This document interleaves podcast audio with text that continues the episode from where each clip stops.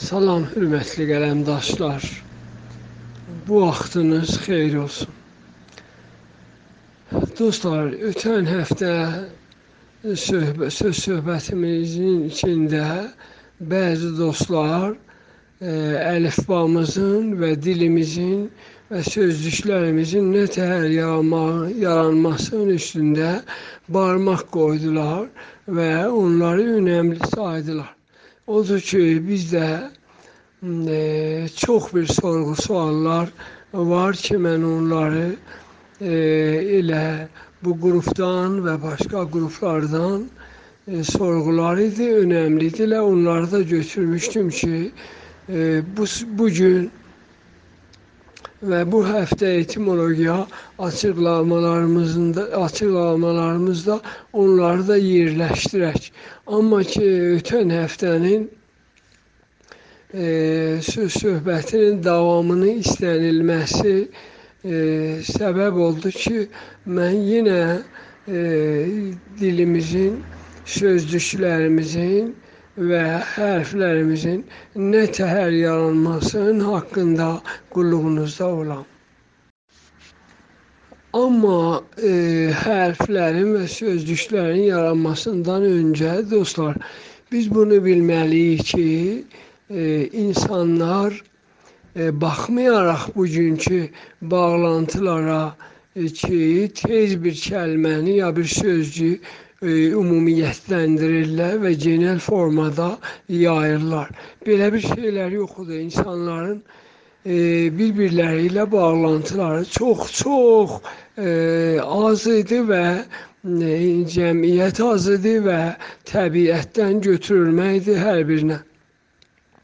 Amma bir şey ki, bir çox vacibdir, onu mən ilk e, söz söhbətimdə deyəm, o budur ki, bizim sözcüklər və hərflər yaranmadan öncə, yəni əslən məktublaşmaq və yazmaqdan öncə milyonlar il e, bəlkə e, yəni yəqin ki, milyonlar il zaman aparıb ki, insanlar e, danışırdılar və ilk danışıqların və ilk sözcükləri qərarlar əsasında bir-birinə onların anlamını köçürürdülər və o e, sözcüklər ümumiyyətlə ilk başlanışda o söz, söz sözlər olurdular ki, onların önəmi çoxdur və insanların ona yoğunculuğu, yəni ehtiyacları daha artıq idi və o sözcüklər çox tez tarixdə yaranıblar. Yəni ilk sözlər o çox önəmli və e, insanların ehtiyacı olan sözlərdir. İlk insanlar e, danışmaqlarında bir-biri ilə e, elm yox idi hər nə gördükləri və təcrübə etdikləri idi və toplumsal forma və qaydaları özünə e, tapmamışdı və çoxlu iki insanın ya 4-5 insanın ortasında bir an, anlamlar e, biri-birinin e, vəsiləsi ilə o birisinə köçürülürdü və qərarlar e, qərarlaşırdılar qərarlaşma, yəni bugünkü qərardadılar kimin deyək ki, bu gün bir mərkəzdə rəsmiləşmiş təsmim tutarlar. Yox, belə idi ki, bir sözcük, biri bir hadisə olalı onu deyirdi, o birisi eşidirdi və o da o birisinə deyirdi, o da o birisinə belə belə bu təhər söz yayılıb gedirdi. Və bunun da mənası bu deyil ki, elə hər bir deyilmiş o cür yayılıb gedirdi. Yüzlər dəfə və minlər dəfə bir sözcük e, sınaqlanırdı. Yəni uyğunsal olduğu onun sınağa çəkilirdi. E, o deyənlərin ortasında. Çün təbiətdə insanlar dəyişilirdi. Təbiətdə olan durumlar dəyişilirdi, fəsillər dəyişilirdi və ehtiyaclar dəyişirdi. Odur ki, o sözcüklər davam tapıb qala bilirdilər ki, e, kamilən e, o reallıqla uyğun olsunlar. Yoxsa onlar bozulub gedirdilər və onların yerinə başqa bir sözcük yaranırdı. E, dedik ki, e, hər nə məktublaşmamışdan öncə tüm məktublaşmaq çox sonralardır. Yəni e, insanlar o zaman ki e, demək e, Urniç dövrünün dövründə şəkilləri çəkirdilər. Hər nəyin şəklini kamil çəkirdilər və Urniç dövrünün 2-ci hissəsində, 2-ci dövründə indi neçə milyon il çəkib ki, e, şəkillər dedik qıssalıb və ilk hərflərə çevrildilər və qıssalıb güdələndilər və ilk hərflərə çevrildilər. Amma bunun mənası bu deyil ki, dil yaranmamışdı və sözcüklər yaranmamışdı. Məktublaşmamışdı. Yəni məktublaşmamışdan öncə də dil var idi və insanlar bir-biri ilə danışırdılar və milyonlar ildə bu insanlar bir-birləri ilə danışıb və istədiklərin bir-birlərinə köçürüblər və dillərin məktublaşması, sözcüklərin məktublaşması e, çox sonrakı tarixlər, yəni Urnik dövrünün ikinci hissəsindən başlanır və o dövrələrə kimin demək ki, insanlar e, çox danışırdılar və bütün demək ehtiyaclarını da e, bir-birlərinə yetirirdilər. Mən çox sadə bir örnəklə ki, hələ onun yazmağının söz söhbəti yoxdur. Amma insanların e, ağızlarında onun bir dilə çevrilməsi və form formalaşmasından söz söhbət gedir e, məktublaşmadan öncə e, örnək üçün birdən yazmaq. E, yazmaq kəlməsi, yəni məktublaşmaq, e, sözcüklər formalaşmaq, hərflər yaranmaq, bunların hamısından öncə yazmaq sözü. Baxın, birdən e, insanlar e, əlləri ilə bir yerdə bir şeyi yazmaqdan öncə onu e, məsələn e, fəsillərin dəyişilməsindən və öz əməllərindən götürüblər. Necə yəni? E, bu cür ki e, yazmaq, yaz yəni xətt, yaz yəni cızıq. Belə başlanıb da. Yazmaq yəni cızmaq, xətt salmaq, çöllərin divarında, daşların üstündə, qarın üstündə, ağacların tənəsində yaz sözü necə başlanıb? İnsanlar ehtiyaclarının əsərində buna yavaş-yavaş bunu baş tapdılar. Bunu öyrəndilər təbiətdən ki, təbiətdə gördükləri birdən dəndüş ki, bitkilər də var idi. Düşürlər yerə onlar və bunlar da insanın yadındadılar da. Birdən gələn il görürlər ki, haman yerlərdən, e, haman bitkilərdən ki, bunlar onlardan faydalanırdı, e, göyəriblə, bitiblə, cöcəriblə, yəni e, bitiblə və haman bitkinin tayı ondan da çox və artıq neçə addım o yan bu yanda bitiblə və göyəriblə və çoxalıblar. İnsanlar bunu öyrəndilər ki, onların dəndüşləri və ya onların bəzən özün e, xətt salıb, cızıb yerin altında üzünü bir balaca torpaqla ötmək səbəb olur, yəni onu əkmək, yəni yazmaq, yəni yazmaq. E, səbəb olur ki, o onlar e, məsələn yerin üzərindən qar gedəndən sonra yavaş-yavaş onlar başlanır e, becərməyə, göyərməyə və bir hasıla ki, o faydalanmalıdır, ona çevrilməyə. Yəni beləliklə yaz kəlməsi ki, haman bahardır, e, yaranıbdı xalqın dilində. Yazmaq, yəni xətt salmaq. İnsanlar başlayıblar ki, ondaq bu xeş kimin bir şeylər ki, yerdə xətt salıb çox bir şeylər əkirdilər. Hələ insanlar o fikrə yetişməmişdilər. E, gəlirdilər, nə edirdilər?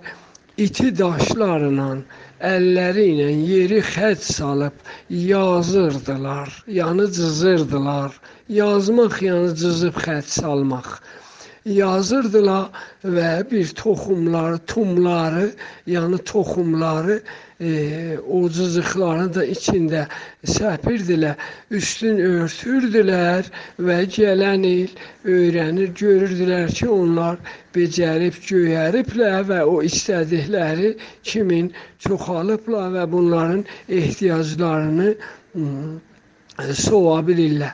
Yəni demək bax bir yaz kəlməsi insanlar iti daş dövrü ki daş dövründə özü neçə dövrü, nə bilim Novsənci, Parinəsənci, nəm e, bu belə bir dövrələr özləri bir inqilab, bir devrim idi bəşərin yaşayışının tarixində. İnsanlar eləyə biliblər ki, e, iti daşlarla, əlləri ilə yerdə e, yazıb yəni cızıqlayıb onları əksinlər ki, ona yazmaq deyirik və yaz fəsli beləliklə yaranıbdır. Yəni istəyirəm bunu deyəm ki, məktub formada hərflərlə kəl sözcükləri yazmaqdan öncə insanlar bunları əməlləri ilə ehtiyaclarının əsasında e, e, öyrənmişdilər və ondan dil yaranmışdı və dilin tarixi məktublaşmaqdan və hərflərdən çox-çox e, milyonlar il öncəyə qayıdır. Başqa bir örnək ki, insanlar öz yan yörələrində və təbiətdə gördüklərindən kəlmələrin yaranması və o kəlmələr e, müxtəlif çeşidli formalara çevrilməsi və yeni-yeni anlamlar daşılmaq üçün bir e, yeni örnək də mən gətirirəm. Məsələn, insanlar e, göydə buludların çaxnaşmasın və indi bilirik ki, onlar mənfi müsbət barlı, yəni zənginləşmiş buludlar ki, mənfi müsbətdirlər, bir-birlərinə dəyəndə onların ortasından atlayır. Yəni e, elektrika tolid olur. İnsanlar ki, bunları bilmirdilər o zaman. Onda insanlar e, bulutların bir-birinə dəyməsindən e, at, at ki, həman indi e, at həman elektrika ya hətta atlar bu elektrika kabloları və simləridir. İndi buna deyirik daha. İnsanlar o atı ki yavaş-yavaş o kəlmə biraz dəyişikliklə e, çox-çox zaman ötərində ot halətinə e, çevrilibdir. Və insanlar bir dənə at kəlməsindən ki, hətta e, sonralar, daha çox sonralar e, Azərbaycanda e, birdən e, yerdən qaz çıxırdı və ildırım əsərində ki, ildırım haman at ya ot odur ki deyirdilər. E, ot qapırdı və Atropatqan e, adlı e, qədimki Azərbaycan torpaqlarına ad qoyulurdu ki, odlar diyarı və odlar ölkəsi. E, buna görə ki, od orada ovardıldı. E, amma at kələməsi ki, həman ot kələməsi də ondandır və atropatqan ya otropatqan yəni odları qoruyanların torpaqları e, patmaq e, yəni e, yerləşdirmək, qorumaq kan ya qan, məkan və yer anlamı daşıyır. At həmin otdur. E, amma həmin at formasından səkmə kök ki, birinin ağzından çıxır bir insanın o dövrə, o ildırım şaxanda at kələməsi işlənilir bu kəlmə üçün uyğun olur təbiətinə, insanların içində hər bir şəraitdə bu qorunur, bir kökə çevrilir. Yəni bir dənə sözcükün kökü burada yaranır ki, haman e, at kökündən haman bu heyvan ki, atıla-atıla yeriyər, bir heyvandır ki, adı atdır. Bu dil o kökdən yaranıbdır. Ya məsələn, insanların, heyvanların erkəklərinin biri-birinə e, nəsil qorumaq üçün və cinsəl yoğunculuğun soğumaq üçün biri-birinə atılması e, həm insan, həm heyvan atılmaq fiili və yavaş-yavaş bundan yaranır. E, yəni bunu istəyirəm deyəm ki, ilk dilimizdə bu çox önəmlidir. Dilimizdə ilk isimlər yaranır. İlkin yaranan sözcüklər isimlərdir, yəni adlardır. Sonralardır ki, isimlər, yəni adlar feillərə və sifətlərə e, çevrilirlər. Və hətta yavaş-yavaş onların iltisaqi dil olur və onların quyruğuna bağlanan bir şəkilçilər və əklər özləri ilə zaman daşıyırlar. Ya məsələn haman ə, e, at kökündən ə, e, atılmaq attırılmak, atma, a, atış, atış ki ferman verirdiler. Hemen indi deyir ki ateş, hemen atıştı da atış. Yani savaşlarda ferman verirdiler ki e, savaşı başlasınlar. Ki, onda isti silahlar yox idi, amma fərq eləmir. Daşın daşa dəyməsi elə o otqa e, ciriqqə və ot çırıltılar yaranırdı və o deməyi daşıyırdı. Və beləliklə ilk kəlmələr ki, hələ yazı filan yoxdur. Yazmaq, məktublaşmaq yoxdur. Beləliklə ilk e, isimlər yaran yaranırlar və onun ardıca məsələn e, kit kələməsi yəni indi ona deyirik get. Çünki C hərfi çox sonralar yarandı. K hərfi tez yaranmışdı. K səs xarakteri tez yaranmışdı. Ket. Keti yəni getdi. Yəni bunu istəyirəm deyəm, yavaş-yavaş e, dilimizdə zamanlar yaranır.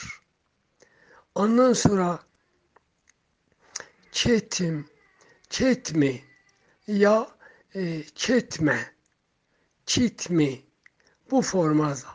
Mim ki onun axırına gəlir, mənfi əlamət oxur, olur. Yəni getmə. Getmə. Və mim hərfi ilkin hərflərdən olur ki, e, mənfi e, bir dənə e, feili ya bir adı ki feilə çevrilibdi yavaş-yavaş onu e, mənfi forması yaranır. Başqa bir örnəkdə gətirsək, bu başqa örnəkdə o əsas sözləri ki, bunların içində gedir və ya onunla nəticə alacağıq, onu daha da rahatlandırar. Birdən insanlar e, bəzi bitkilərin baxırıq, görürük, sütü var. Yəni onu qoparanda adam baxır, görür ondan süt daşlanır, gəlir. İnsanlar bunu görürdülər. Ya məsələn, o dövrə qadınların döşlərindən süd eşiyə gəlirdi. İstəyirəm bunların boyasın deyəm ki, ağ rəngdir. Ya e, birdən e, başqa bir şeylər ki, elə bu boyanı özü ilə daşıyır ilk kəlmələrimizdən, köklərimizdən biri ki, yaranıb ağdı. Yəni insanlar təbiətdə, torpaqda, yerdə, göydə e, gördükləri gördüklərində birdən e, ilk bu boyaya ağ ya ağ rəng mənası qoyublar. Və ağın bir mənası da böyükdür. Necə ki, qaranın bir mənası da böyüklükdür. Amma o böyüklük e, anlamından e, öncə insanlar boya anlamını e, təbiətdən görüb və götürüblər və bunu ağ ya ağ deyiblər.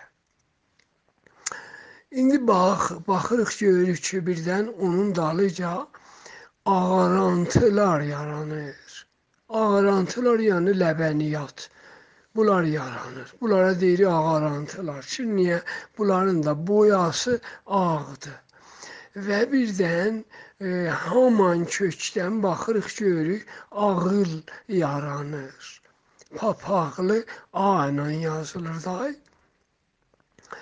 A ağıl yaranır. Ağıl yanı tövlə. Ağıl yanı həman ağarantıları yəni süd, qatıq, e, tuğ, yadığ, e, ayran, kərə, e, qaymaq, nə bilim bunlar da, bunlar ağarantılardılar. Bu ağarantılar e, ağarantıları verən heyvanlar yaşayan yerə deyirlər ağıl. Ağıl farsçaya gedib, olub ağıl deyirlər ağıl. Yəni mənzur haman heyvanlar. O heyvanlar ki, ağarantı verirlər və ya onlardan əmələ gəlir. Baxır, gör, istəyirəm bunu deyəm ki, bir dənə kökdən nə qədər onunla bağlı e, iltisaqi dilin formalaşması və şəkil tapması e, yaranır və onunla birdən ağa kəlməsi də yaranır. Ağa ki, böyük mənasıdır. Onlarda ə, hətmən ki, bu heyvanlar o adamların olurmuş, onun mal, onların malikiyyətində olurmuş, hər kimin bunlara malikiyyəti olurmuş və bundan faydalanırmışlar, onlara ağa deyirmişlər. Yəni ağ kəlməsindən e, bunu deyirəm ki, neçə-neçə anlamlar yaranır. Neçə-neçə anlamlar yaranır. Bunlar o zamanlar yaranır ki, hələ heç nə bir hərf yaranıb, nə sözcüklər məktublaşır. Bəlkə dil yaranır. Dil məktublaşmaqdan çox-çox qabaq yaranıb. hərflər və məktublaşmaq e, dilin yaranmasın və onu rahatlandırmaq, onu sonrakılara köçürmək deməkdir. Amma e, dünyanın bütün dillərində istisnasız bütün dillərində e, xüsusən 4 4 ulu dildən ki, onlardan ad çəkilir çox yerlərdə, onlarda da və hətta onların ortasında e, bəşərin köçərlik bir-birindən öyrənmək, savaşlar əsasında otlaq, oylaq, bunların əsasında savaşlar qopur, köçkünlüklər yaranır. Ya məsələn havaların təbiətin isti soyuqluğu dəyişilmək əsasındakı Altay dağlarının şimalından Türk ellərinin köçüb aşağılara, e, bu yaylalara, Xəzər sahillərinə, cənublara gəlib getməsi e, tarixdə e, çox bir e, məsafəli, fasiləli e, soyuqluq dərəcələri ilə bağlıdır.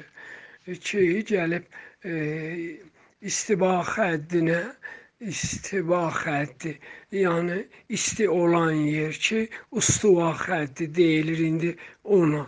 İsti e, sözü is özü bir kökdür ki, bu artıq bir e, sözdür ki, ağzıma gəldi deyirəm.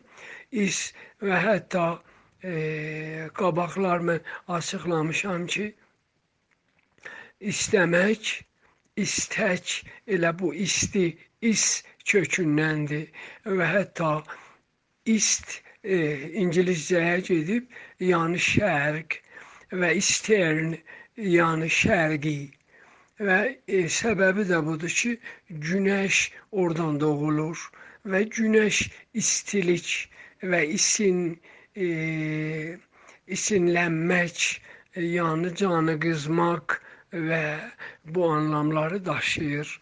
Yəni insan e, e, özəlliklə e, türk insanlarının e, dilləri bu təhər təbiətdən və sonra deyəcəyik ki, nə, nə təhər təbiət, təbiətin e, axınan büsbütün, yəni cahan şumul qanunlarından və yasalarından baş əyir, təbəyyət elir və iltisaqi dil yaranır. Bununla deməkdən, bununla e, mənzur və qəsdi budur ki, o dediyim ulu dillərində hamısından zaman ötərində ki, dilləri yetişir, hamı dillər, dillər yetişir məktublaşmaq formasına, hərflərə və sözcüklərə və tümcələrə e, çevrilir. Yəni onda e, hərflər e, təkmilləşir.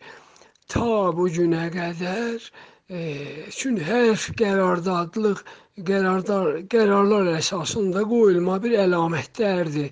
Yəni o səsləri və kəlmələri daşıyandır ki, bir-birinin dalıcan nə təhər gərək düzəlinsinlər və düzülsünlər.